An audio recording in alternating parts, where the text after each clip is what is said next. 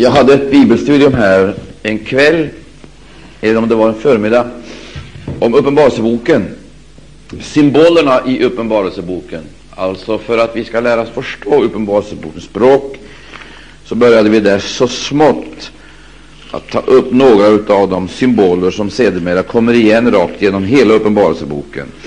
Och vi gjorde några anteckningar där. Jag ska faktiskt dröja kvar i samma kapitel också ikväll.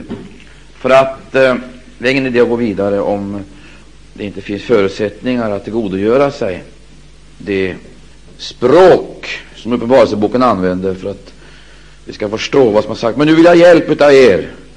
Vi ska få skriva på tavlan här vad vi har sagt tidigare. Och ska vi, så ska vi ytterligare lägga till några saker till det som tidigare har framkommit. I Uppenbarelseboken 6 så eh, hämtade vi fram några symboler. Och Jag tror att det här är väldigt viktigt, för att jag skulle nästan kunna tänka mig att Uppenbarelseboken är en stängd bok för de flesta. De läser den inte. En del säger att de blir helt förvirrade när de läser Uppenbarelseboken. Och ändå så skulle jag vilja tro det att den mest angelägna skrift utav Bibelns skrifter den mest angelägna för oss är just Uppenbarelseboken. Och en hel del av det som står i Uppenbarelseboken har ju redan gått till fullbordan. Vi skulle kunna peka ut olika, e, e, olika ting ifrån exempelvis den här perioden 1900, 1905 fram till 1975, där vi kan se vissa saker gått i bokstavlig uppfyllelse. Uppenbarelseboken har helt enkelt eh, bekräftat. Alltså profetia har blivit historia, och det ligger bakom. Eh, och jag tror faktiskt att vi ska försöka här nu att eh, just med de här symbolerna som grund försöka ta reda på vad det kan avse för någonting.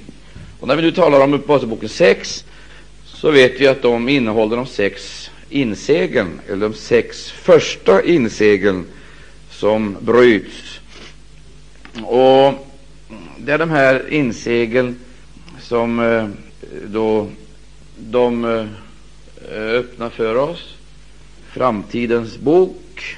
Vi får blicka in i händelseförloppet. Och låt oss nu läsa, som jag sagt, Uppenbarelseboken 6.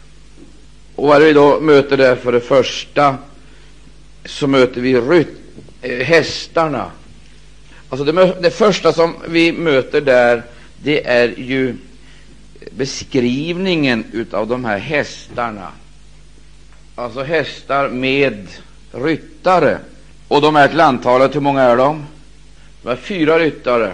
Det är hästar med ryttare.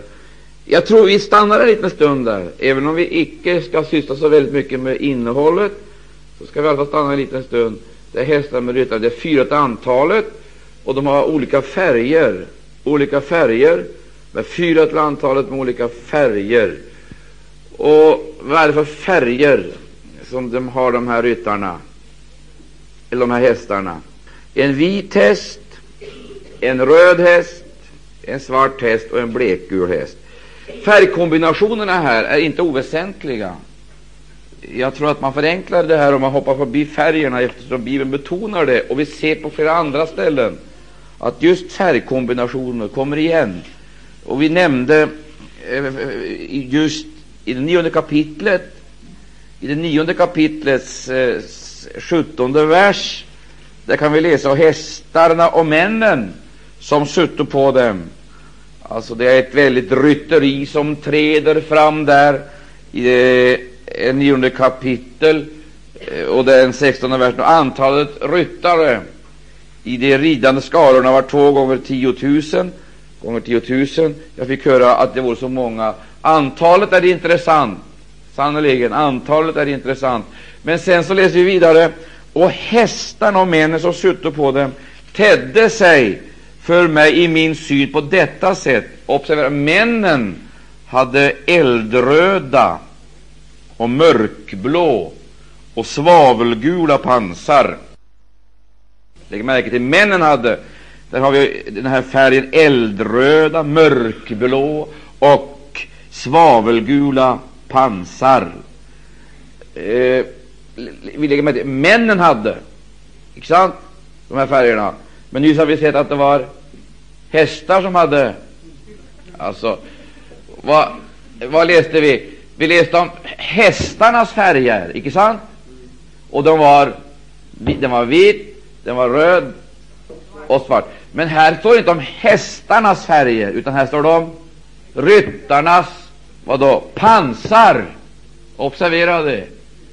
Och det ska vi också återkomma till. Men, vi, men det heter männen hade eldröda och mörkblå och svavelgula pansar. Och så kommer det då, som du Astrid läste, och hästarna hade huvuden såsom lejon. Och så kommer det, och ur deras gap gick ut eld och rök och svavel. Av dessa tre plågor, av elden och röken och svavlet, som gick ur deras gap, dödades tredjedelen av människorna. Alltså vi ser här att det förekommer färgkombinationer. De hästarna hade vissa färger och de här ryttarnas pansar hade vissa färger. Ja. Och, då kan man ställa frågan varför betonar nu Uppenbarelseboken just färgerna? Vad vill färgerna säga oss? Exempelvis, vi läser om den vita hästen. Vad kan det handla om? Den vita hästen. Vi går vidare uh, i uh, det här sammanhanget. Och ja, vad vill färgen säga oss? Det var väl hästarna säga oss? Hästar och ryttare, tror ni att det är fyrbenta fysiska varelser som drar fram så att säga genom universum? Eller har det, är det ett symboliskt språk? Vad kan det handla om? Vi kan gå till eh, Uppenbarelsebokens eh, eh, 19 kapitel. Uppenbarelsebokens 19 kapitel. Men vi ska skynda oss att läsa Bibeln här, för vi ska hinna med ganska mycket ikväll, även om vi naturligtvis ska till att vi inte forcerar. Så behöver vi i alla fall försöka komma fram till, till någonting mer än det vi läste förra gången. I Uppenbarelsebokens 19 kapitel, där heter det så här i elfte vers, då jag såg himmelen öppen och fick där se en vit häst, och mannen som satt på den heter trofast och sannfärdig, och han dömer och strider i rättfärdighet. Hans ögon vore såsom eldslågor, och så vidare. Och så heter det i den fjortonde versen och honom följde på vita hästar de himmelska härskarorna klädda i fint linne, vitt och rent. Och från hans mun utgick ett skarpt svärd varmed han skulle slå folken, och han ska styra dem med järnspira, och han trampar Guds den allsmäktiges stränga, stränga vredes vinpress och på sin mantel över sin länd har han detta namn skrivet, konungarnas konung och herrarnas herre. Eh, ja, här är också talat om hästar. I eh, Uppenbarelseboken så står det om vilddjuret och skökan på följande sätt i det sjuttonde kapitlet, i den sjunde versen. Där Eh, möter vi den här föreningen mellan vilddjur och skökan, och då sägs det i några få ord alltså hur förhållandet är mellan vilddjuret och skökan. Och ängeln sade till mig, varför förundrar du dig? Jag ska säga dig hemligheten om kvinnan. Och så kommer det, och om vilddjuret som bär henne.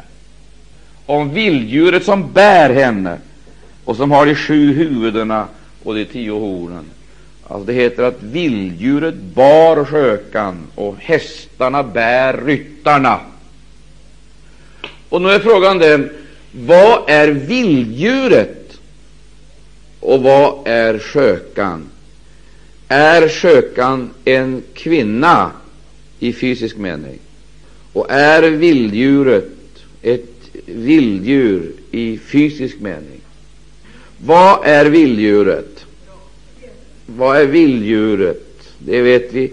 Det är en person. I och för sig är väl det riktigt, men är vilddjuret bara en person? Det är väl ett rike och ett system, eller hur? Och skökan, vad är det då? Vi läser om vilddjuret som bär skökan. Alltså, och vi märker den här, den här föreningen. Nu är frågan den, vad är då skökan? Om vilddjuret är ett rike och ett system och dessutom en person. Ska vi säga så här nu då för att förenkla det hela? Vi gör det enkelt nu då, så säger vi så här. Vilddjuret är ett rike och skökan är kyrkan. Alltså jag säger det här bara för att vi ska förstå att det hela tiden handlar om det mera än individer. Det handlar om maktblock, konstellationer, alltså som eh, så att säga förutsätter varandra. Det ena förutsätter det andra. Bärs upp, det ena bärs upp av det andra. Det är väldigt viktigt att vi har klart för oss det här, därför att eh, det handlar faktiskt om maktkonstellationer. När det nu heter att eh, vilddjuret bär skökan, vad vill det säga oss? Det är också eh, betydelsefullt att få, få klart för oss att det finns ett speciellt sammanhang och ingenting så att säga är slumpmässigt framställt, utan det finns ett sammanhang och det finns en, eh, en detaljrikedom som uppenbarar det här systemets art. Att vara buren, vad innebär det i den här meningen? Eh, om vi nu vänder oss till det, sext, det sjätte kapitel, där vi nu talar om hästarna och ryttarna. Ryttarna de bärs alltså av hästarna. Så behöver vi göra klart för oss vad kan de här ryttarna eh, analogt med det jag sagt om vilddjur och skökan tänkas betyda? Eh, vi, vi, säger exempelvis så här att, att den röda hästen, det betyder vad då? Det betyder krig. Har vi hört? Jag tror inte att det är så enkelt. Jag tror inte man kommer förbi det här problemet genom att säga så här att det har med militära förvecklingar och konflikter att göra.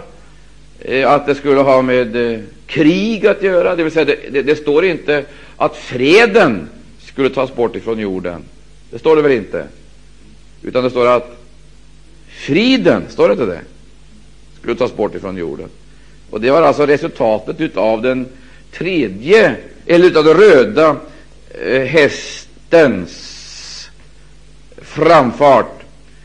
Nu eh, får, får ni lyssna här. Vad lägger vi märke till om den här röda hästen?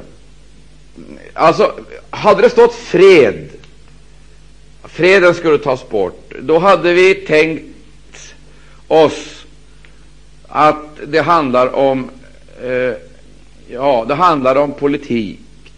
Va? Är det inte så? Alltså, fred, då tänker vi på politik.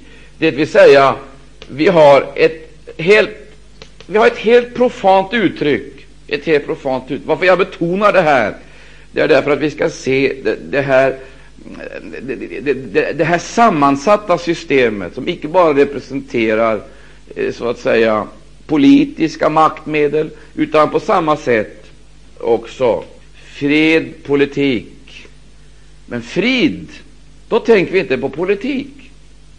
Då tänker vi andra banor, gör vi inte det? Vad tänker vi då på? Då tänker vi på religion. Är det inte så?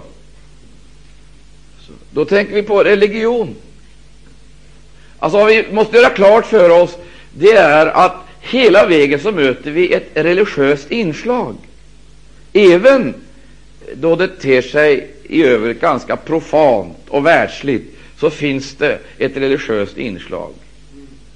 Och detta att friden ska tas bort ifrån jorden, det innebär inte att kanonerna börjar dundra och, eh, och eh, bomber kastas över nationerna, utan vad det i första hand handlar om, det är den mentala förberedelsen för det kaos som stundar, som är nödvändigt för fredsapostelns framträdande.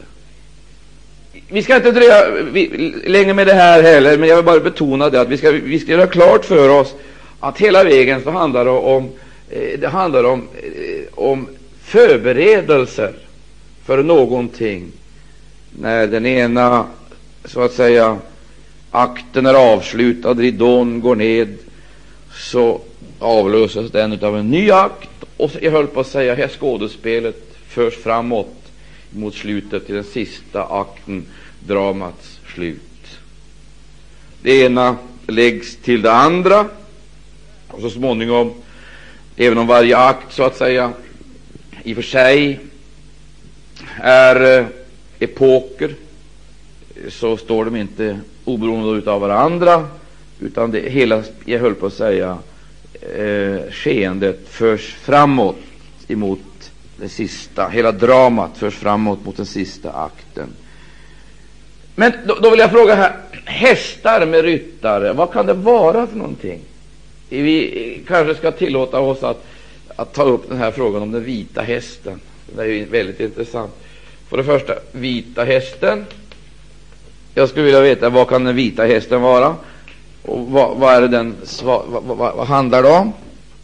Alltså, om vi, om, vi, om vi nu lämnar tanken på vem den här vita hästen och hela ryttaren kan vara. Låt oss då tanka, först tänka på principen. Alltså vilddjuret bär upp skökan, hästen bär upp ryttaren.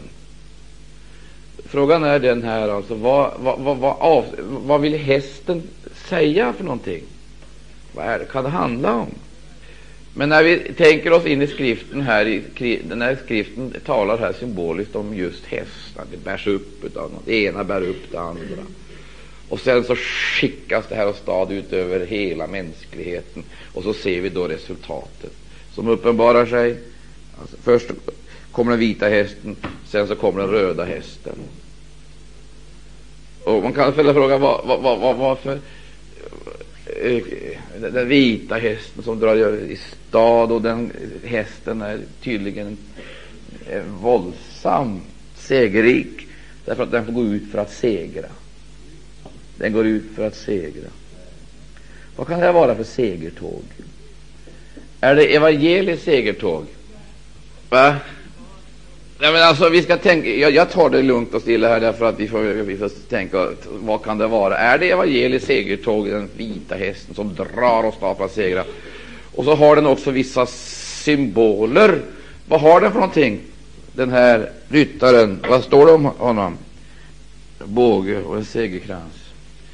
Han har sagt att det här kan inte vara något eh, gott eftersom det är en båge. Och bågen, det är väl inte fridens symbol precis. Alltså, om man tänker sig eh, det, båge, båge vad, vad är bågen för någonting? Vad är det? Bågen, vad är det för någonting? Det är ett skjutvapen, ja.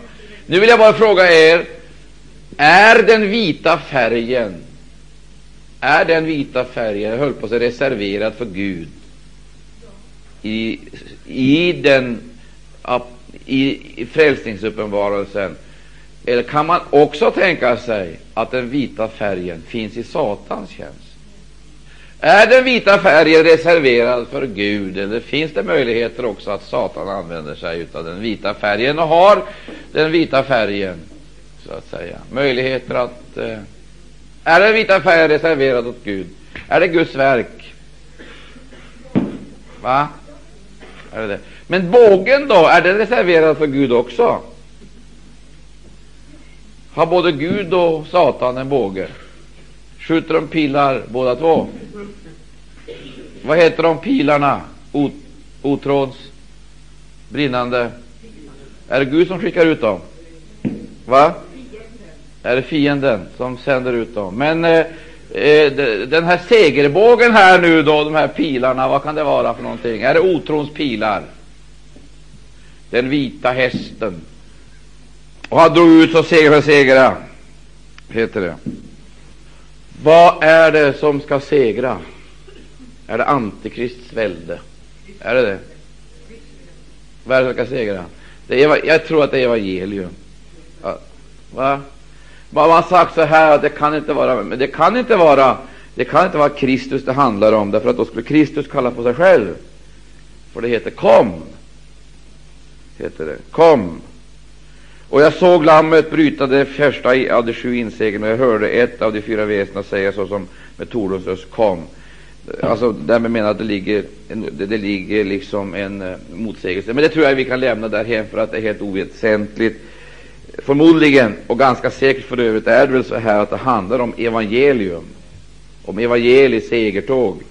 För jag kan aldrig tänka mig att det skulle finnas någon epok i eh, jag kan aldrig tänka mig att det skulle finnas någon epok i eh, mänsklighetens historia där uteslutande det onda skulle få operera ensam. Tror du det? Nå, då är frågan den, vad kan det handla om här nu då? Handla om. Det är en ryttare och det är hästar. Jag vill, jag vill, komma, jag vill ha klarhet i det här. Så nästa insegel bryts och då ropas det igen Kom! Då kom en annan häst fram, en som var röd åt mannen så att bli givet att taga friden bort från jorden och åt mannen som satt på den, står det, blev givet att taga friden bort ifrån jorden så att människorna skulle slakta varandra och ett stort svärd blev honom givet. Och då vill jag fråga er här om den ena hästen nu talar om evangeliets segertåg och ryttaren på den hästen är evangeliets budbärare. Då vill jag fråga er, vad kan det här handla om? Jag ska faktiskt göra någonting som kanske kan se lite djärvt ut, men jag, jag, jag ska göra det.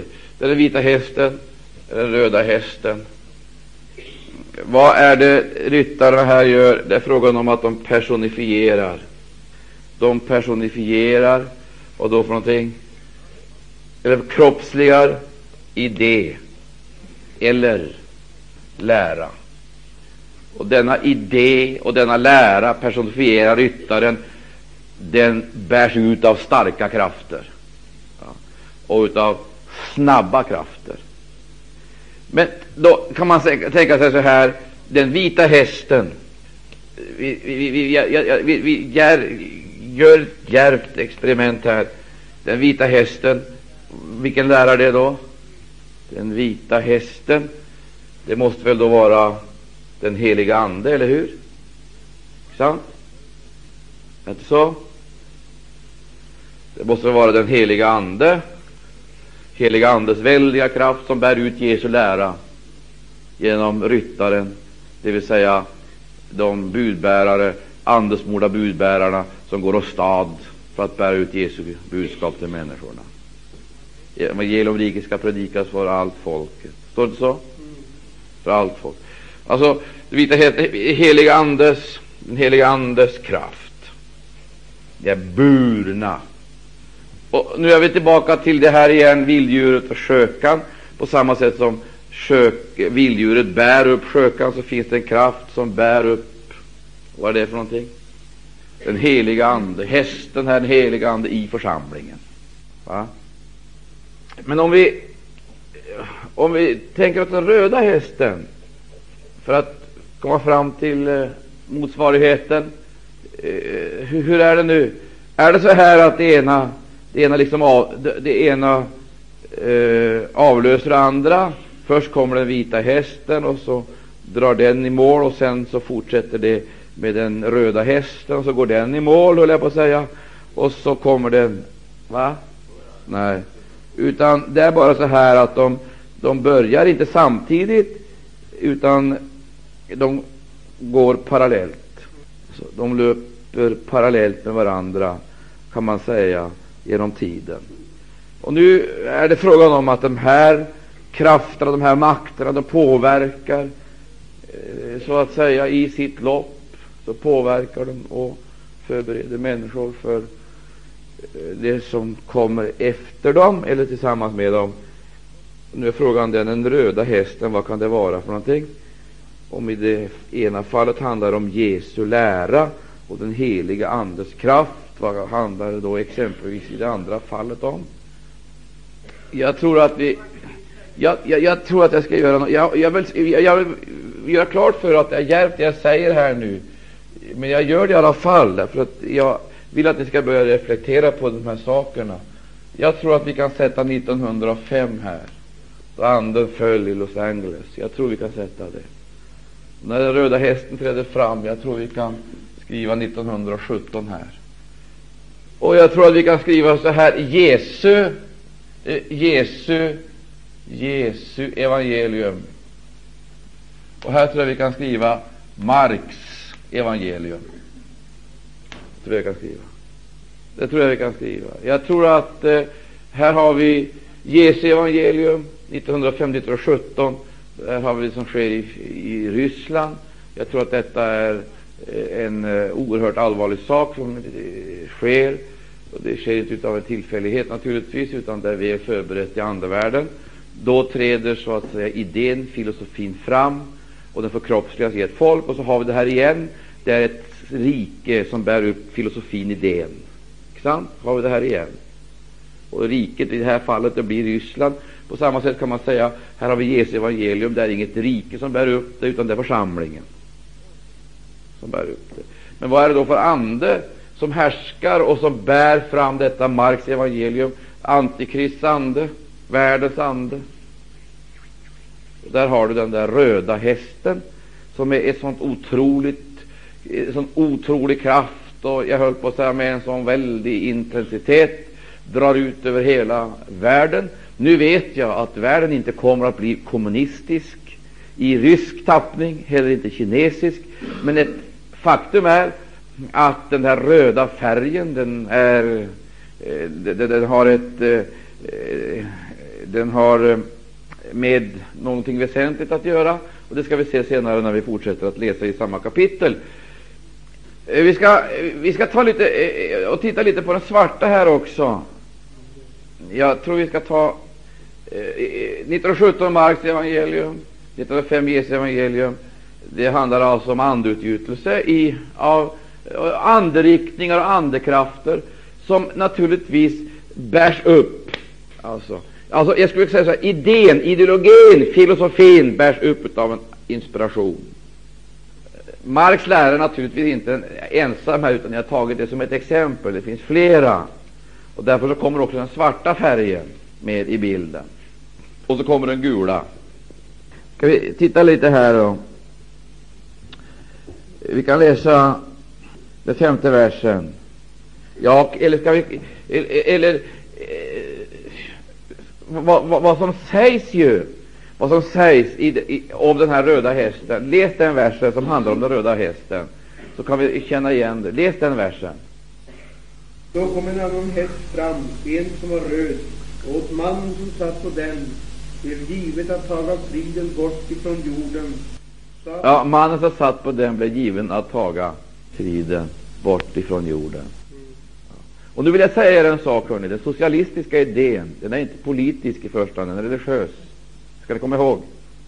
Socialism handlar mer om religion än om politik. Det ska ni alltid göra klart för er.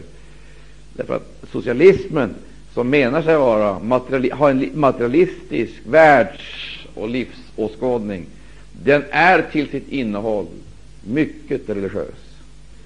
Och benägenheten har hela tiden varit den här, framförallt i den tappning som vi har sett socialismen, att den har visserligen detroniserat Gud, skaparen, men den är verkligen inte gudlös. Den har satt en annan Gud i dess ställe. Och vilken Gud har man satt i den sanna Gudens ställe.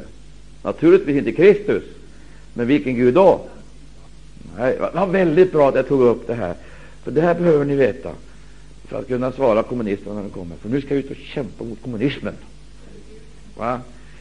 Ja, människogud är riktigt, men vad, vad, vilken frestelse så att säga, har man haft i de kommunistiska länderna? Och det ligger själva i socialismens dynamik. Det måste man bli så. Vad sätter man i Guds ställe? Staten. Och därnäst, vad då? Staten och partiet. Och det är nästan identiska begrepp. Alltså, därför att, och vi kan komma ihåg en sak, att lojalitet mot staten och lojalitet mot partiet, den är så långt driven, så att därest man icke, därest man icke, så att säga, står solidarisk, lojal, så riskerar man någon form av eh, vad säger du? Men vi vet att vi känner till koncentrationslägren. Ja, det moderna, vi känner till mentalsjukhusen, det nya systemet att bearbeta människorna mentalt för att göra dem samarbetsvilliga. Och därför, nu, nu kommer vi till det här att de skulle ta friden bort ifrån jorden och inte freden. Så det första hand handlar inte om vapenskrammel och ändå så handlar det om ett svärd som blir givet. Men det svärdet, det är inte ett svärd i militär mening, därför att det står om svärd i den meningen också att Guds ord är ett tveeggat Vad menar vi då? Guds ord är ett tveeggat Det vill säga att svärd i den här meningen, det handlar om filosofin. Alltså vi skulle kunna kalla våldsfilosofin. Och vad, och vad säger den renodlade kommunismen? Till exempel till en sån fråga som revolution. Och vi ska komma till det, vi ska skynda oss, vi ska komma till det. Vad säger den renodlade kommunismen, kommunisten om revolutionen? Vad kan man säga om kommunismen? I sin renodlade eh, gestaltning så är alltså kommunismen en våldsfilosofi. Det är en våldsfilosofi. Det finns ingen möjlighet med någonting annat. Det, den representerar våldet. Men, men det är där alltså paradoxen ligger, därför att eh, det är ju massans kamp, kan man säga, för frihet, för rättvisa, för jämlikhet. Och den här sidan av saken kommer eh, ni ungdomar att få brottas med oerhört vad det lider. Därför att det ligger nämligen någonting förstucket, attraktivt, någonting oerhört imponerande i denna, i denna filosofi. Och framför allt när man möter hos idealisterna, då är den rent ut sagt eh, förförisk. När man möter oss idealister som är redo så att säga att ge sitt liv för det vi skulle kunna kalla jordens vadå på brödring och arbetarskarornas frigörelse. Det är ett väldigt budskap det. Det är ett fantastiskt bud. Tänk på hur det går ut till proletariatet och säga, vad sjunger man i Internationalen? Upp till kamp mot kvalen. Vilka kval sen? Det låter det, det, det, här är oerhört förstår ni. Det är ett väldigt område. Och det, här, det, här, det, det här ligger en väldig laddning. Alltså upp till kamp mot kval. Det är frågan om att frigöra sig från förtrycket. Och då, vad får man då för någonting? Istället för envälde, alltså folkvälde, då får man alltså massor. Istället för envälde så får man folkvälde. Men det otäcka är ju att det är ju Eh, blir det demokrati. Vi behöver dra oss åt den svarta färgen nu. Men vad är det för skillnad på eh, dikt, diktaturen Spanien och Brasilien, nej ursta, eh, Chile, i, i, i eh, Ryssland? Vad är för skillnad på dem? Vad säger du, Bashir? Va? Ja, berätta. Är det en röd eller svart diktatur? Svart diktatur. Och vad är det för skillnad på den röda och den svarta diktaturen? Den röda är massans diktatur. Och den svarta är enväldet eller härskarklassens diktatur. Vi måste lära oss det här. Se krafterna som ligger emot evangelium.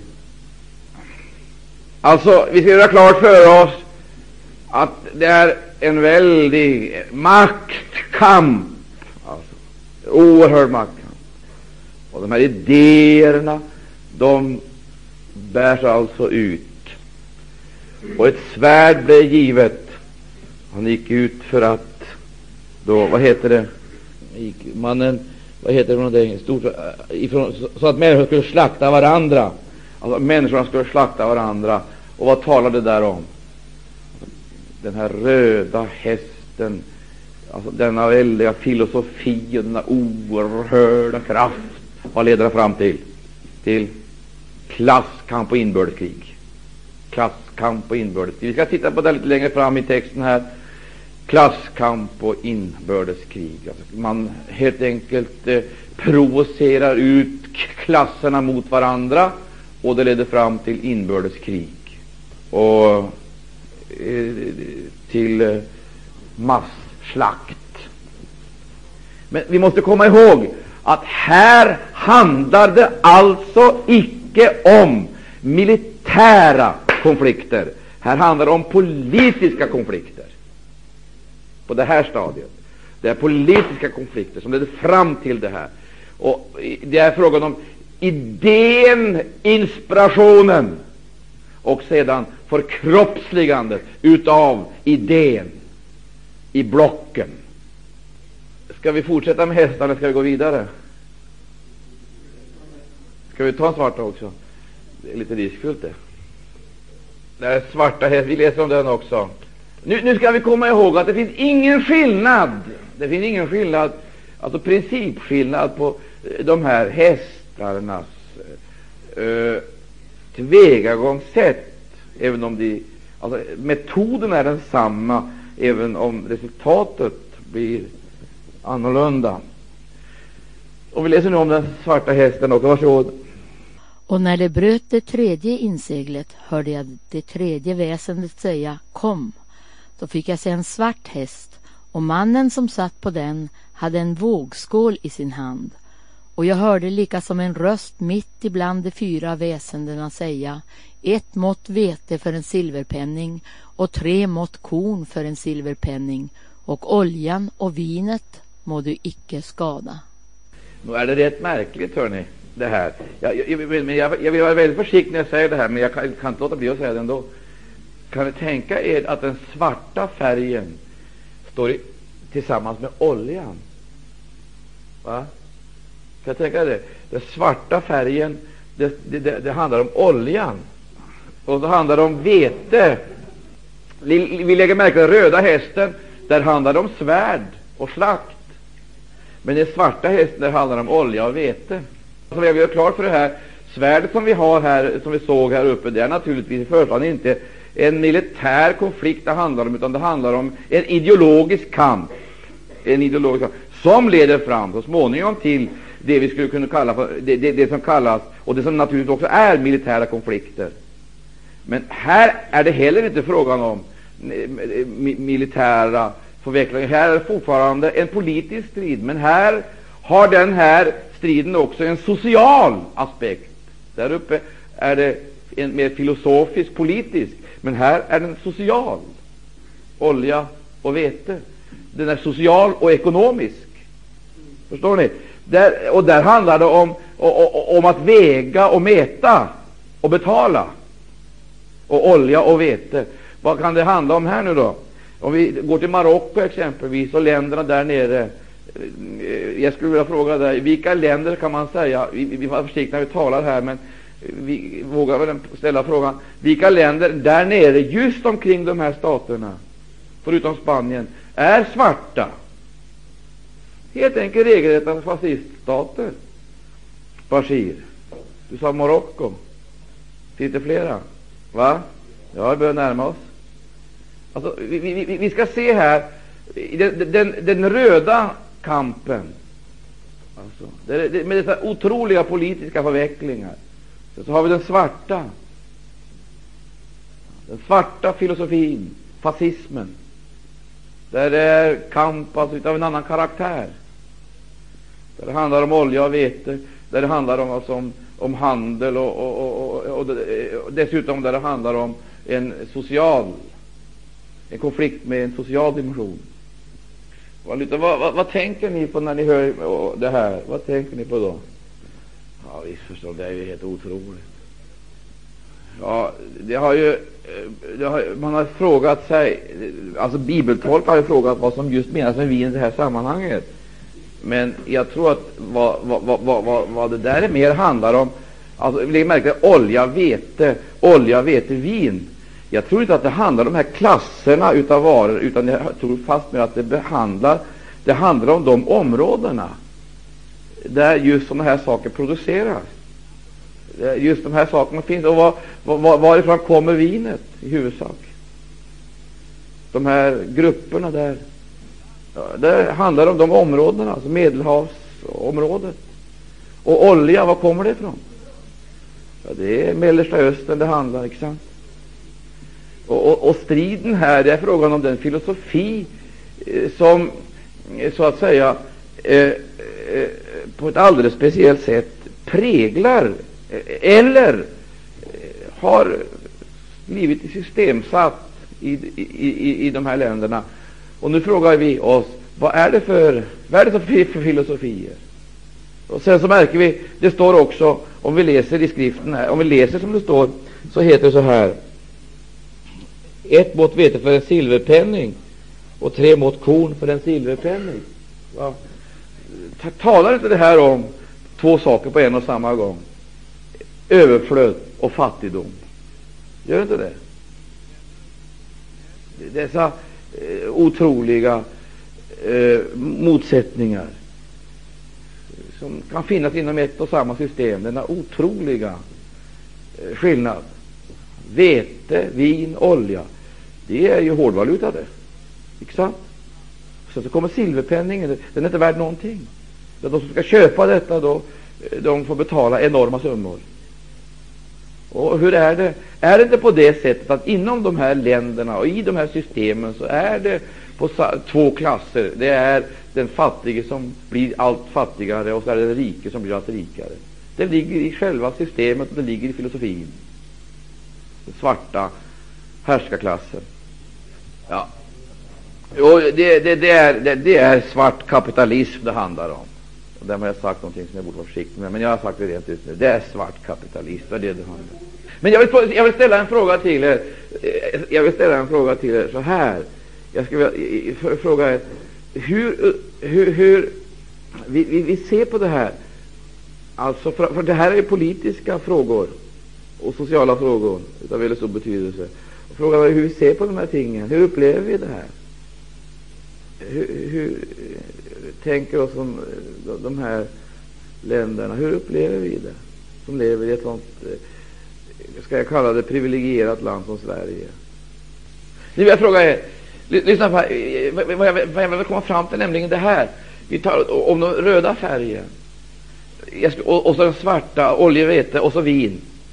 Och, och, och, så, och samtidigt denna, denna fruktansvärda fattigdom. Alltså, I vårt land är väl risken för att vi kommer att påverkas utav den här ganska liten, är inte det? Eller hur? Det säga, på den här punkten är vi ganska klara. Vi vänder oss emot det där systemet, eller hur?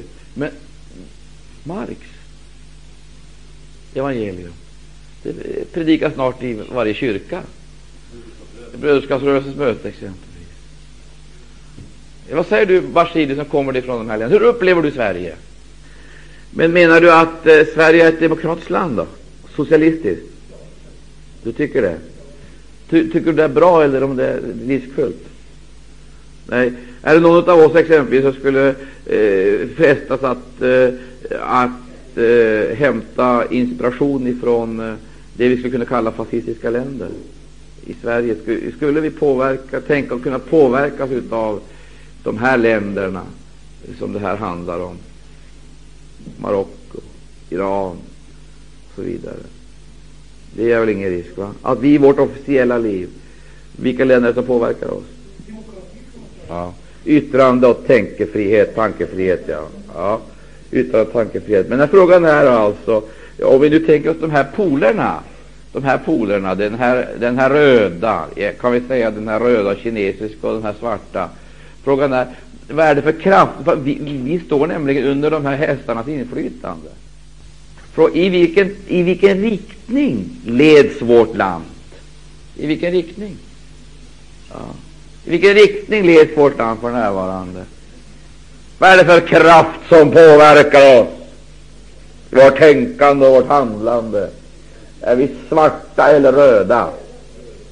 Ja, det är, risken är den alltså att vi, vi, vi blir influerade utav Marx mera än utav Jesus. För Jesus är vare sig svart eller röd. Han är vit. Och där, står, och där ligger problemet. Men vi ska se på en, vi ska gå till nästa, men vi, vi, vi måste, vi måste skynda oss, för tiden går ju så fruktansvärt fort. Vi har ju bara några, tim några timmar kvar. Eh, vi, vi, läser, vi läser nästa här nu då. Nu har vi sett det här om oljan, vete, vin. Va? Så, jo, jag tänkte, jag tänkte sätta ut ett årtal på den svarta hästen här, men jag, jag avstod ifrån det. Därför att, eh, vilket skulle ni vilja föreslå? Va? Vilket skulle ni föreslå? 1923.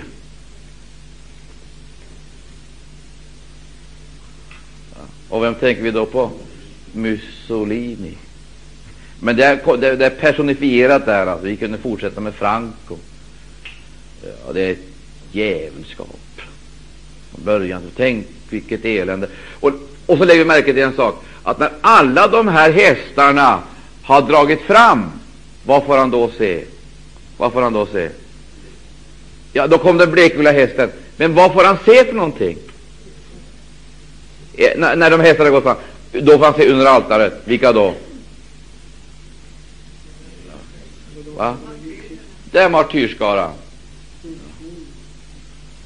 Här, här har du ryttarnas framfart, och skörden visar sig under altaret.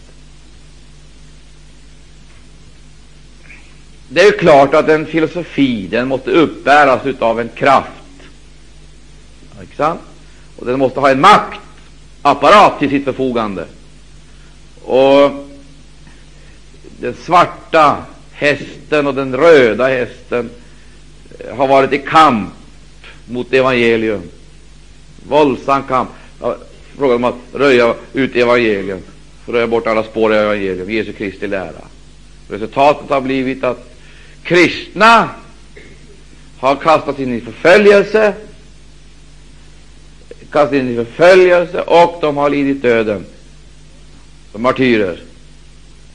Och så läser vi nästa vers. Varsågod. Och när det bröt det fjärde inseglet hörde jag det fjärde väsendets röst säga Kom. Då fick jag se en blekgul häst och mannen som satt på den, hans namn var Döden och dödsriket följde med honom och åt dem gavs makt över fjärdedelen av jorden så att de skulle få dräpa med svärd och genom hungersnöd och pest och genom vilddjuren på jorden. Jaha, vad kan det här vara för någonting? Nu vill jag fråga här, då, vad kan det här vara för en fuling som träder fram med en sån otäck färg? Då fick jag se en blekgul häst, och mannen som satt på den, hans namn var Döden, och dödsriket följde med honom. Vad kan detta vara? En för, eh, vad kan det vara för dödsföraktande skara? Dödsriket följde med honom. Och det var döden och dödsriket. Vad tror ni? Va? Döden och dödsriket. Det låter blekgul häst som träder fram.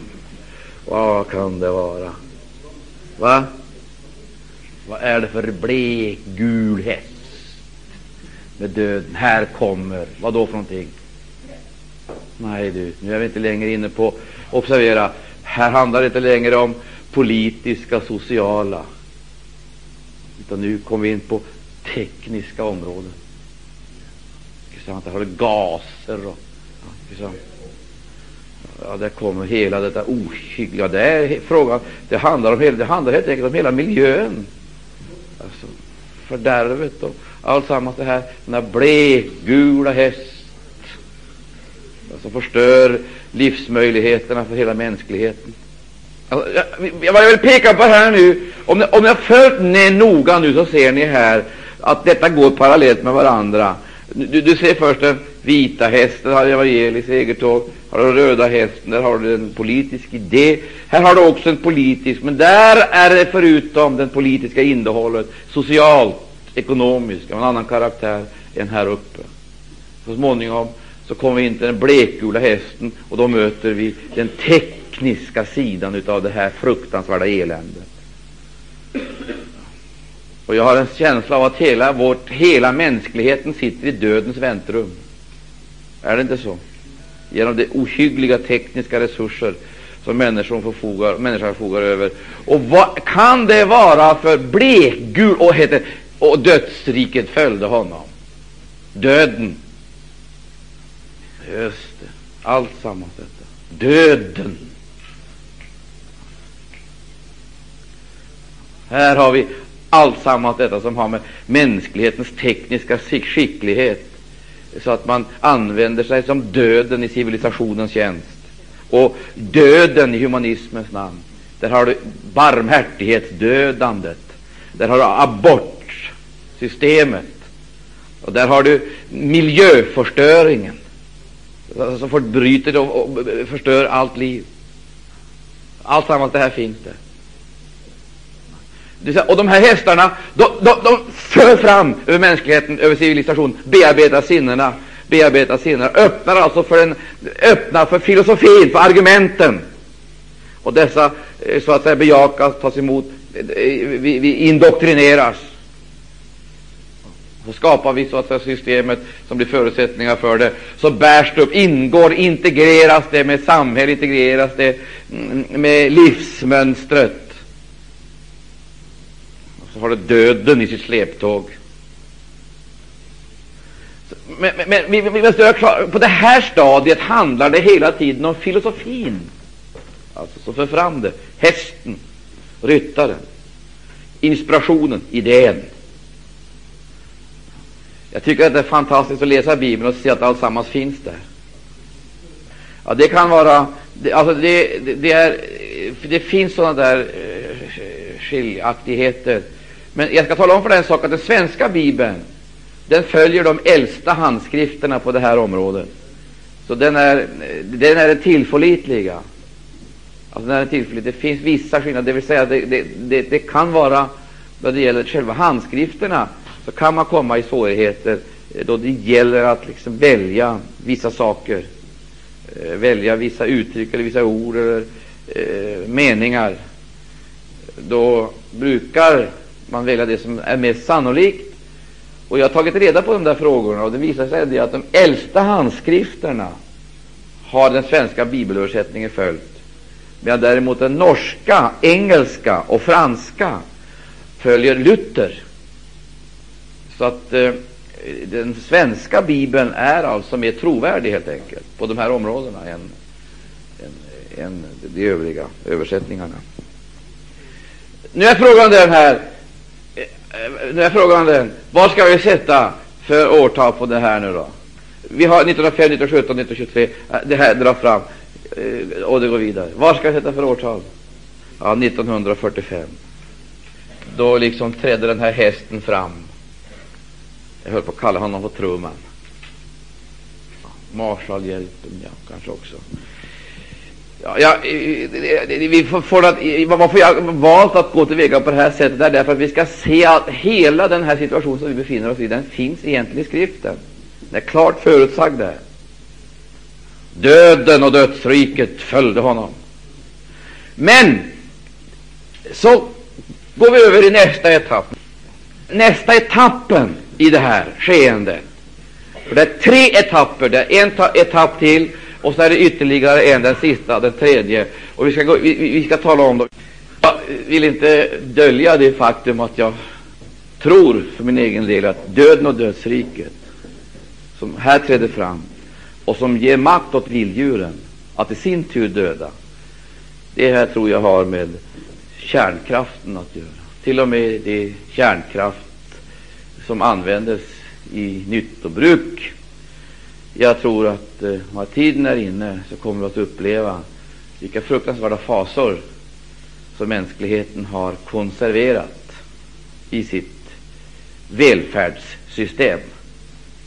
Så, och, och dessutom så vill jag säga det att döden och dödsriket gav makt åt vilddjuren på jorden. Jag tror också, det vill jag säga till er här, jag tror att detta sammanhänger med den den, är ligabildning, den gerillaverksamhet som eh, vi kommer att få se i långt större utsträckning än det vi gjort tidigare. Vi har sett dem förfoga exempelvis över konventionella vapen. Vi kommer att få se ligor som träder fram med atomvapen till sitt förfogande. Vilddjuren på jorden. Det är alltså vilddjurs, så att säga, eh, mentaliteten förkroppsligad i gerillaverksamhet och, terroristgrupper. som inte bara har k-pistar och, eh, eh, och eh, konventionella vapen, utan har till och med atomladdningar och kommer att helt enkelt neutralisera folkens rättsskydd så att polismakten blir helt enkelt eh, den blir utslagen.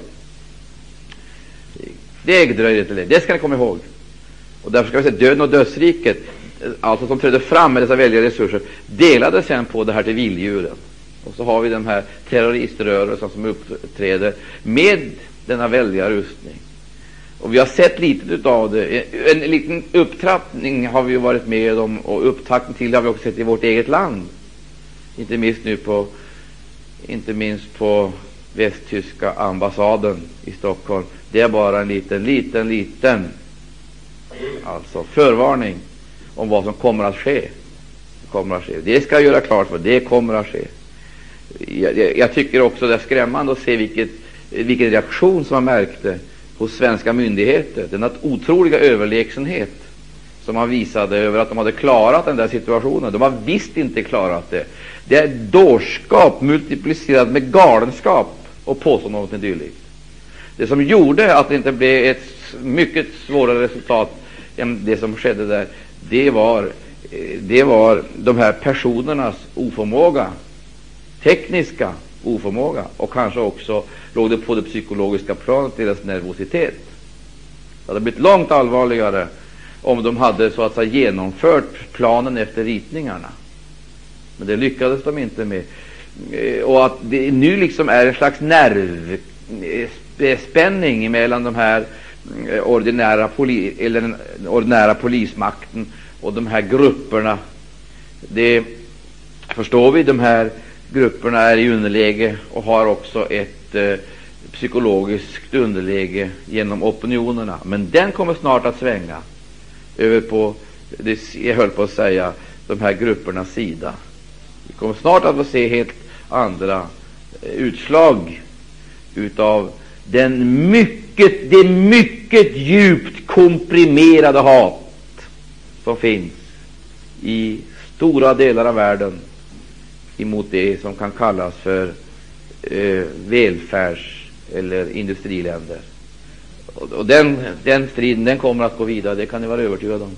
Bara vänta när Vietnam nu liksom går till historien och man får andra objekt att ägna sig åt och engagera sig i. Ska vi snart få se. Och därför, därför ska vi, vi, vad vi ska göra naturligtvis, det är det att vi verkligen blir utrustade med gudomlig kraft och myndighet på ett sådant sätt att vi kan avslöja fiendens alla planer då det gäller att likvidera och neutralisera församlingen, så inte vi kommer in i någon social politisk förveckling, utan kan stå ovanför alltihop och predika evangelium och rädda människor in i Guds rike. Det är det som är vår stora uppgift, och Gud vill hjälpa oss till det för ditt namns skull. Eh, nu vill jag här peka på några saker som förekommer i den här, vers, i det här kapitlet till sist. Det heter det tolfte versen, om någon läser det. Varsågod. Och jag såg lammet bryta det sjätte inseglet. Då blev det en stor jordbävning och solen blev svart såsom en sorgdräkt och månen blev hel och hållen såsom blod. Stor jordbävning var det första. Vad hände det sen? Solen svart som en sorgdräkt. och det andra och månen hel och hållen som blod. Och den trettonde versen. Varsågod. Och himmelens stjärnor föll ned på jorden så som när ett fikonträd fäller sina omogna frukter då det skakas av en stark vind. Ja, himmelens stjärnor föll ned på jorden Det var en fantastisk, dramatisk beskrivning utav skeendet. Och då vill jag fråga er, vad är det här för jordbävning som vi kan läsa om här? Vad är det för jordbävning? Och sätter vi in det här nu i det rätta sammanhanget så börjar vi, börjar vi förstå och ana Jesu egen undervisning i Matteus 24. Ja. Så börjar vi förstå och ana också andra sammanhang i skriften, exempelvis Jakobs brev. Jakobs brev. Åh, mina vänner, det är dags för Guds folk att vakna. Jag säger det är dags att vakna. Det är verkligen på hög tid att vi vaknar över situationen och inte bara börjar söka karismatiska gåvor, men gör sinnesändring. Och överger vår girighet, vår materialism, vår girighet, vårt överflöd, materiella överflöd. Så det inte går med oss som det heter om dem, om vilket Jakobs brev säger de har gött sig på sin slaktdag, det vill säga de har profiterat på världens katastrof. Jag skulle nästan vilja säga vilka är det som har tjänat på olyckorna, jordens olyckor, om inte det är namnkristendom. Gjort sig rik. Men vi, vi ska se här, det handlar om jordbävning. Det blev stor jordbävning och i Matteus 24, Matteus 24, där säger Jesus så här i eh, den sjunde versen, Matteus 24 och 7. Och vi kan läsa den sjätte versen också. Ja, varför ska vi inte läsa det? Vi läser 4, 5, 6, 7, 8. Varsågod. Matteus 24. Någon läser. Då svarade Jesus och sade till dem, se till att ingen förvillar eder. Ty många skola komma under mitt namn och säga, jag är Messias, och skola förvilla många. Ja, det, detta har vi alldeles missförstått. Därför att det heter så här att många skulle komma och säga Jag är Messias. Och då kan man fråga sig så här Hur ska ett, en sådan Messias-gestalt legitimera sig? Vilket alibi har en sådan Messias-gestalt som gör att han kan bli trodd? Va? Vad är förutsättningarna? Va? Ja, va, va, vi läser där en gång till, och så läser ni vidare. Många ska komma och säga jag är Messias, jag är Messias. Många skola komma under mitt namn och säga jag är Messias och skola förvilla många. Va? Har ni tänkt på det, mina vänner? Har ni tänkt på det i de här färgerna som vi har sett här? Den svarta färgen har sin Messiasgestalt. Har ni tänkt på det? Den röda färgen har sin Messiasgestalt. Det handlar om världsräddare ska rädda världen. Har ni tänkt på att den gula, till och med döden, har sin Messiasgestalt? Har ni tänkt på det? Alla de här idéerna, filosofierna, inspirationerna, de har sin Messiasgestalt, sin Messiasbild. Det finns knappast en som saknar en sådan bild. En bild av Messias. Jag höll på att säga Broderskapsrörelsen har sin Messiasgestalt. KDS har sin Messiasgestalt. Kyrkan har sin Messiasgestalt. Eller hur? Kommunismen har sin. Fascismen har sin. Och alla, jag höll på att säga, har sina tempel och sina kyrkor. Sina altaren och sina symboler. Och Alla vill auktorisera sig med Jesu namn eller i gudomens namn. Och det har blivit allt mer vanligt att till och med den ateistiska materialismen har börjat låna utav kristendomen. Så idag talar man om den ateistiska teologin. Och Hör här, jag vill säga det här. Solen blev svart och månen blev röd. Varför blev solen svart? Här har du de olika messiasgestalterna som, som så att säga, vadå? betäcker uppenbarelsens ljus. Istället för uppenbarelsens friska, levande ljus så får man den röda månens härlighet. Och vad är den röda månen för någonting? Vad är den röda månen?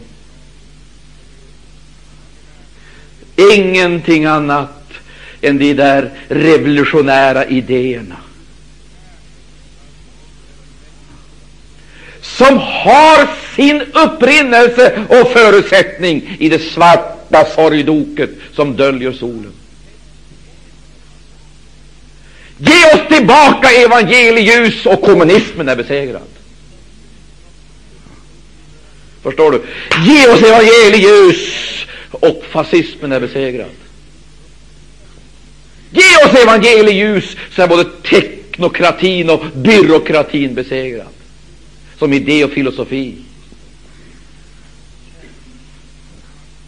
Fri Gud. Ge oss evangelieljus, uppenbarelsens ljus tillbaka så är det sociala evangeliet besegrat och kulturkyrkorna är besegrade. Förstår du det här? Oh, vilket evangelium vi har! Tror du det så säg amen. Tänk vilket evangelium vi har! Oh, vilket evangelium! Vilket budskap vi har! Prisat vare Herrens underbara namn. Men du förstår, varenda en utav de här idéerna, de drar ut till människorna därför att i varenda mänsklig individ så finns det en kontaktpunkt för frihet, för frihetsbudskapet, för rättvisebudskapet, rättfärdighetsbudskapet. Men istället för att ge andlig rättvisa så går man ut med ett politiskt budskap och så döljer man, man döljer ljuset, man döljer härligheten. Så kommer man med den blodröda månens härlighet mänskliga filosofier och idéer av revolutionär karaktär. Orkar ni med några minuter till? Ja, alltså, jag är oerhört angelägen om att få säga det här det sist till slut. I, i, i eh, nästa vers, alltså, se att ingen förvirrar er. Det är många som kommer under mitt namn och säger, jag är Messias, och skulle förvilla många. Jag höll på att säga, som kvinnorna sa, vid eh, graven. De har tagit vår mästare, gjort om honom. Har de inte gjort det? Har tagit honom och gjort om honom. Och så har de framställt honom på ett nytt sätt. Jag höll på att säga, de har varit och hämtat linnebindlarna. Allt som låg där, de har varit och hämtat allt sammans yttre. Och så har de klätt på honom någon passande idé eller filosofi som skickar ut honom till mänskligheten med några löften om frihet, social rättvisa och så vidare. Tagit vår Jesus. Men vi får kunna för mänskligheten, han är uppstånden. Han lever. Han är uppstånden. Halleluja, ära vare Gud och Lammet. Han är icke bortförd som lik. Han gick själv ur graven. Halleluja. Han är uppstånden. Tror du det så säger amen. Han lever. Han sitter på Faderns högra sida i härligheten. Gud var evigt lov. Han har inte tappat balansen eller besinningen eller förlorat kontrollen över situationen. Han skall komma igen som den stora befriaren. Ära vare Gud. Och då heter det, då kommer han på den vita hästen. Gud var evigt lov i det sista stormaloppet men då ska alla dessa filosofier och alla de härskaror som blir besatta av idéerna och inspirationerna, de ska möta honom i det sista slaget. Gud var lov, för Jesus Kristus skall segra. Gud vare lov. Vi går vidare och så läser vi, och, och, och nu kommer det. E-, e-, vi knyter an här. Där säger Jesus Folk ska resa sig upp mot folk och rike mot rike. Här kommer revolterna och där har vi jordbävningen. Folk ska resa upp mot folk och rike mot rike och det ska bli hungersnöd och jordbävningar på den ena orten efter den andra. Det vill säga, där har du de revolutionära rörelserna, hungersrevolten, ungdomsrevolten, Och jag tycker synd om mänskligheten. Och jag tycker synd om ungdomen som mönstras i, under olika fanor. Oh, vad synd! De, de, de brinner, många av dem, är, en, med idealismens låga. De går ut för att bekämpa orättvisorna, och innan de har bränts ner så är de fångar under nya ok. Ty det var förgängelsens trälar som lovade frihet. Men förgängelsens trälar har ingen frihet att ge. Befriaren är Jesus. Och vad det handlar om, det är icke strukturernas förändring, utan personlighetens befrielse. Och ja, därför vill jag läsa, vi, vi, vi ser här, rike mot rike, det ska bli hungersnöd och jordbävningar, och denna orten, på denna ort efter den andra, men allt detta är allians till födslovåndorna. Jag skulle kalla det hungersrevolt och ungdomsrevolt. Det finns ingen människa idag som kan sova gott med ett bankkonto, med tillgångar outnyttjade. Det finns inga möjligheter i den här tiden med rikedomar av den ena eller andra arten. När massorna hungrar både efter fysisk föda och andlig. Det är otänkbart. Och där har vi ett fruktansvärt ansvar. Och jag vill, jag vill peka på det här. De stora jordbävningarna kommer. Jag skulle vilja säga det, när folken kommer att resa sig upp i protest mot överflödssamhällena. Och jag skulle tro att vi kommer att få uppleva, jag höll på att säga skörden, enligt Jakobs brev, så kommer den att bli förödande och fruktansvärd. Vi ska läsa, vi går, vi går till Uppenbarelseboken igen. Ska vi läsa om det här. Eh, Uppenbarelsebokens sjätte kapitel läser jag om jordbävning. Men i det åttonde kapitlet i Uppenbarelseboken, där står det också i den fjärde versen, i den tredje versen kan vi läsa, det heter, och en annan ängel kom och ställde sig vid altaret, och han hade ett gyllene rökelsekar, och mycket rökelse blev given åt honom, för att han skulle lägga den till alla de heligas böner på det gyllene altare som stod framför tronen. Och ur ängelns hand steg röken av rökelsen med de heligas böner upp inför Gud. Och ängeln tog rökelsekaret och fyllde det med eld från altaret och kastade elden ner på jorden. Då kom torden och dunder och ljungeldar och jordbävning. Det heter i Gamla testamentet ropet från Sodom har stigit upp. Det var det rop som samtiden icke hörde ifrån de förtryckta, från de hungrande, från de utslagna. Det hörde man icke i sitt välfärds och materialistiska lyckorike. Men Gud hörde det. Gud hörde det. Och vi talar om Sodom och Gomorra, då tänker vi på homosexualitet och sedliga utsvävningar. Mina vänner, det är inte det som är synd i Sodom och Gomorra. Det var straffet för synden Det var straffet för synden. De blev prisgivna av Gud. Men synden i Sodom och Gomorra, det heter i Hesekiel 16. Där får vi veta vad som var synden. Här var synden i Hesekiel 16 och 49. Vi kan läsa från 48 vers. Så sant Herren lever, säger Herren, Herren din syster Sodom och hennes döttrar har icke gjort vad du och dina döttrar haven gjort säger till Jerusalem. Se, detta var din syster Sodoms missgärning.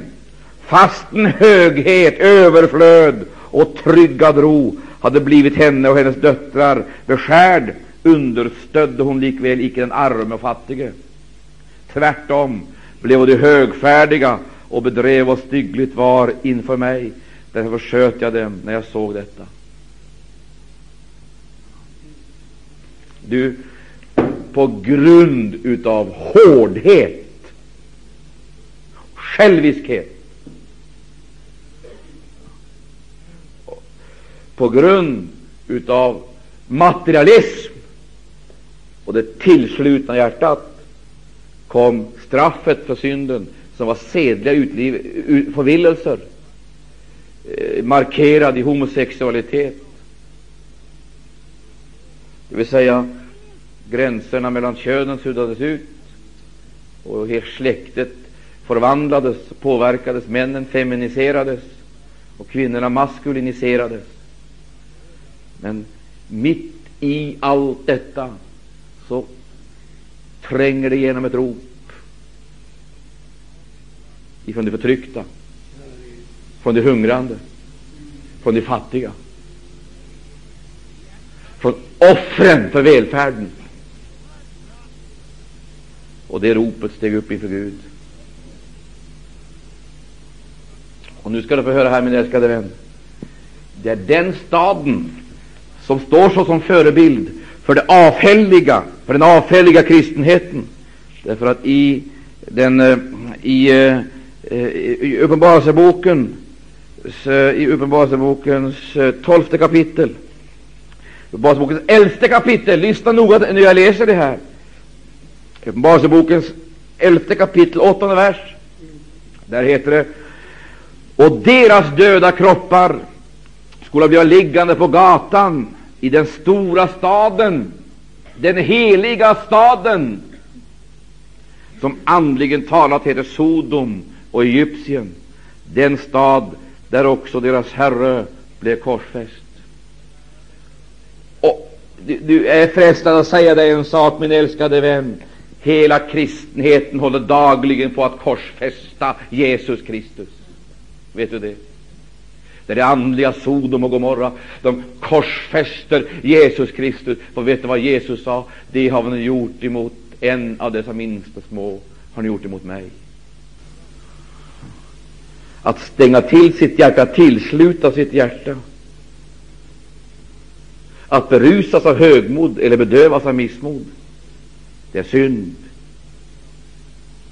Men ropet hade stigit upp inför Gud, heter det. Han sände sina sändebud. Och innan några katastrofer drog över förbannelsens städer så kommer frälsningsbudskapet via de sändebud Herren hade avskilt. Och där ska jag säga den sak, min älskade vän. Vi läste om jordbävningarna, de hungrande massorna. Den privilegierade del av mänskligheten den kristna skaran har i stor utsträckning slutit till sina öron. De hör icke ropen från de förtryckta, från de sargade, från de plågade och härjade. Utan de lever, jag höll på att säga orubbat bo och njuter ostört utav sin materiella välfärd och sin andliga välsignelse. Så kommer jordbävningen. Den kan inte registreras på någon seismograf i Uppsala, men den registreras i människornas samveten. Men Gud var evigt lov. Jag skulle vilja säga så här. Mitt i detta nödens, våndans och ångestens tid så är det människor som har börjat ropa till Gud. Och de ropar. Och rökelsen, jag höll på att samlas där uppe. Skårarna blir fyllda. De blir fyllda. På samma sätt som Abraham bad för Sodom och Gomorra, så finns det människor som beder till Gud. De ropar över förbannelsens städer, över detta Sodom och detta Egypten. De beder och rökelsen samlas. Och så vältras böneskålarna och så får vi en ny jordbävning. Men då är det inte revolutionära rörelser, utan då är det väckelserörelser. Väckelsen. Det är väckelsen. Halleluja. Och så har vi det här igen, den vita hästen. Den träder fram med sin makt och sin härlighet, och så blir människor frälsta. Är det inte fantastiskt? Det är därför jag lever. Skulle jag inte få tro på det här, hör du, så skulle jag gå rakt ner i Nybro, viken. Jag skulle, jag skulle inte leva en dag till. Inte. inte. leva i detta gytter av elände och förbannelse. Där människor slaktar varandra, hånar varandra, tar livet av varandra, berövar varandra inte bara materiella ägodelar, men berövar varandra lyckan, glädjen, friden, tron, kärleken, hoppet, renheten. Plundrar varandra ända in i döden. Därför att vi har sett dessa hästar dra fram över mänskligheten. Jag skulle inte våga leva en dag till. Jag skulle gå rakt ner i Nybroviken. För jag har en känsla av att självaste helvete kan, inte, kan snart inte bli sämre än det helvete mänskligheten har håller på att bereda åt sig. Jag tror att detta helvete är så vidrigt så inte ens Satan vill hit. Han vill hålla sig där uppe så länge det finns möjligheter. Men när bruden far upp, då tvingas han ner. Han vill inte hit, men då ska han hit. Till det elände som han själv har varit med och ställt till. Då ska han verkligen få se det på nära håll. Men hör, här har du det. Det är rökelsen, bönerna, ropen. Och vilka är det som beder? Det är inte de som mår gott. Det är inte de som har det bra. Det är inte de som sitter vid väldukade bord, har garderoben full, som njuter. Det är inte de som känner sig så där, eh, eh, som, som känner sig ostörda. Utan det är nödens, behovens, sorgens, ångestens, lidandets barn. De ropar. Och de ropar som regel till döva öron. Kyrkorna hör det inte, predikanterna hör det inte, de kristna hör det inte, men Herren hör det. Herren hör det. Herren hör det. Och jag har en känsla av att skulle du och jag kunna registrera all det, all det, alla de rop som stiger upp till denna himmelens Gud i denna stund ifrån denna stad, ifrån alla, ifrån alla välputsade fasader bakom, där människor rop, skulle vi höra det, det skulle vara ett öronbedövande rop, men det samlas där uppe. Vet vad där så välter böneskålarna så blir det jordbävningar, det blir väckelse. Halleluja, det blir jordskred och människor kommer till tro på Jesus Kristus och de får människovärde tillbaka. Ära vare Herrens underbara namn. Ära vare Herrens underbara namn. Ära vare Herrens underbara namn.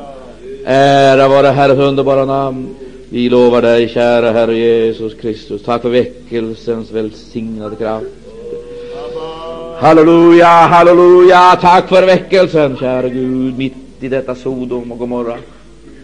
Tack för väckelsen, tack för Abrahamssjälarna, kära Gud, som står där som förbindelselänk mellan himmel och jord.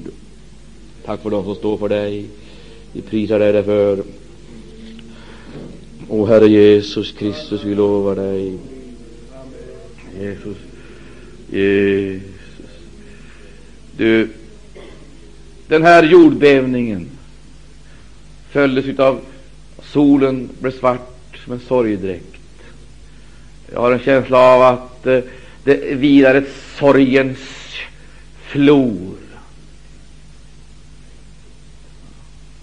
En sorgens slöja överallt på kundens i tiden.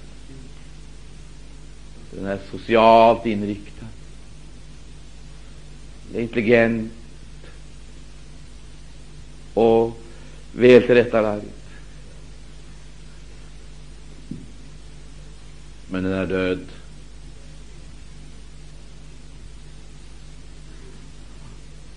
Det finns inget av uppenbarelsens ljus.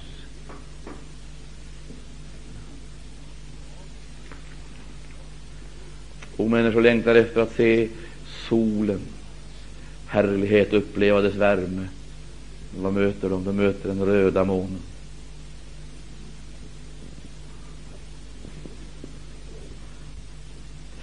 ett landskap utan kreativitet, alltså utan skapande kraft.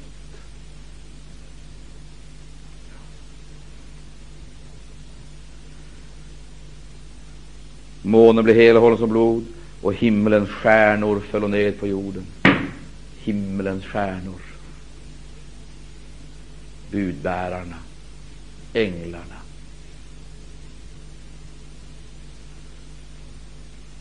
förlorar kontakten med den eviga världen, börjar ägna sig åt det sociala evangeliet, ska försöka förbättra jorden, Med evangeliehjälp ska den förbättra jorden, reformera jorden. De har fallit ifrån sina positioner.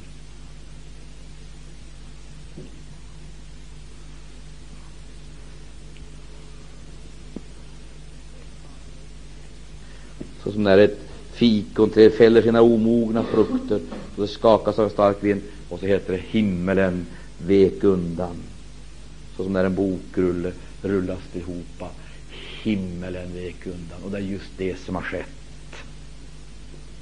Solen gick förlorad. Månen trädde fram i sin blodröda färg. Vi fick ett socialt evangelium, ett liberalt evangelium, ett tolerant evangelium ett reformbudskap för jorden. Men evighetsperspektivet gick förlorat.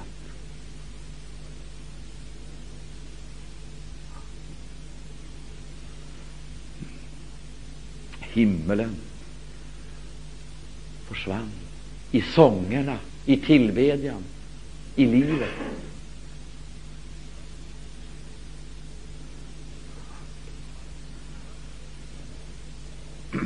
Och så heter det vidare, resultatet Himmelen vek ut som när en bokrulle rullas ihop och alla berg och öar flyttades bort från sin plats. Det vill säga, för du lyssna min älskade vän, den rullades ihop och rationaliserades bort utav detta förnuftiga månbudskap.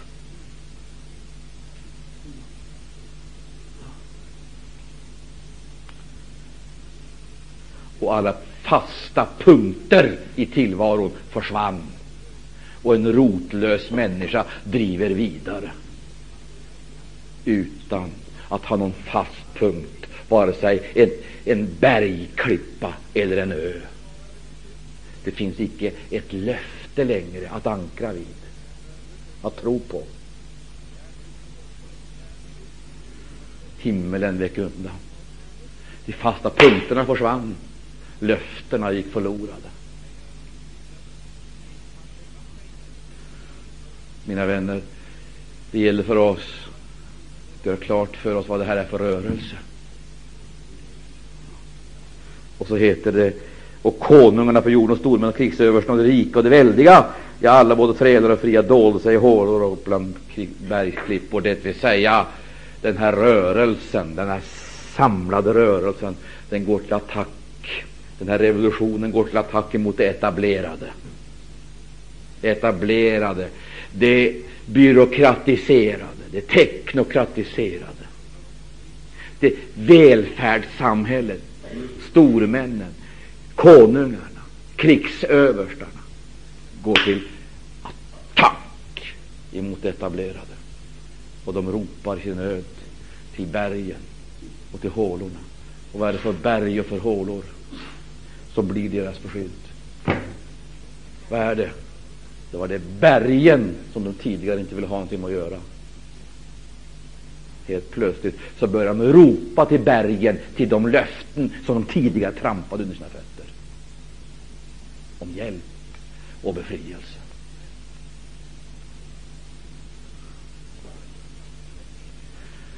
Men Gud var evigt lov, jag säger en gång till, det finns andra jordbävningar på gång. Väckelsens heliga ande är fortfarande verksam. Och vi ska se människor frälsas ut ur fördömelse, förgängelse och förbannelse in i Guds rike. Och det är det vi vill satsa på, eller hur? Amen. Halleluja. Vi tackar dig, kära Herre Jesus Kristus, för att du har givit oss ditt eget evangelium. Åh, Herre, det är inte bara massorna som ropar på befrielse. Det kommer den dagen då också de privilegierade ska ropa, då de ska göra den erfarenheten att deras berg, deras trygghet, icke längre kan ge dem skydd. Deras polis och deras armé icke längre kan beskydda dem. De ska ropa till högre makter om befrielse, hjälp och räddning.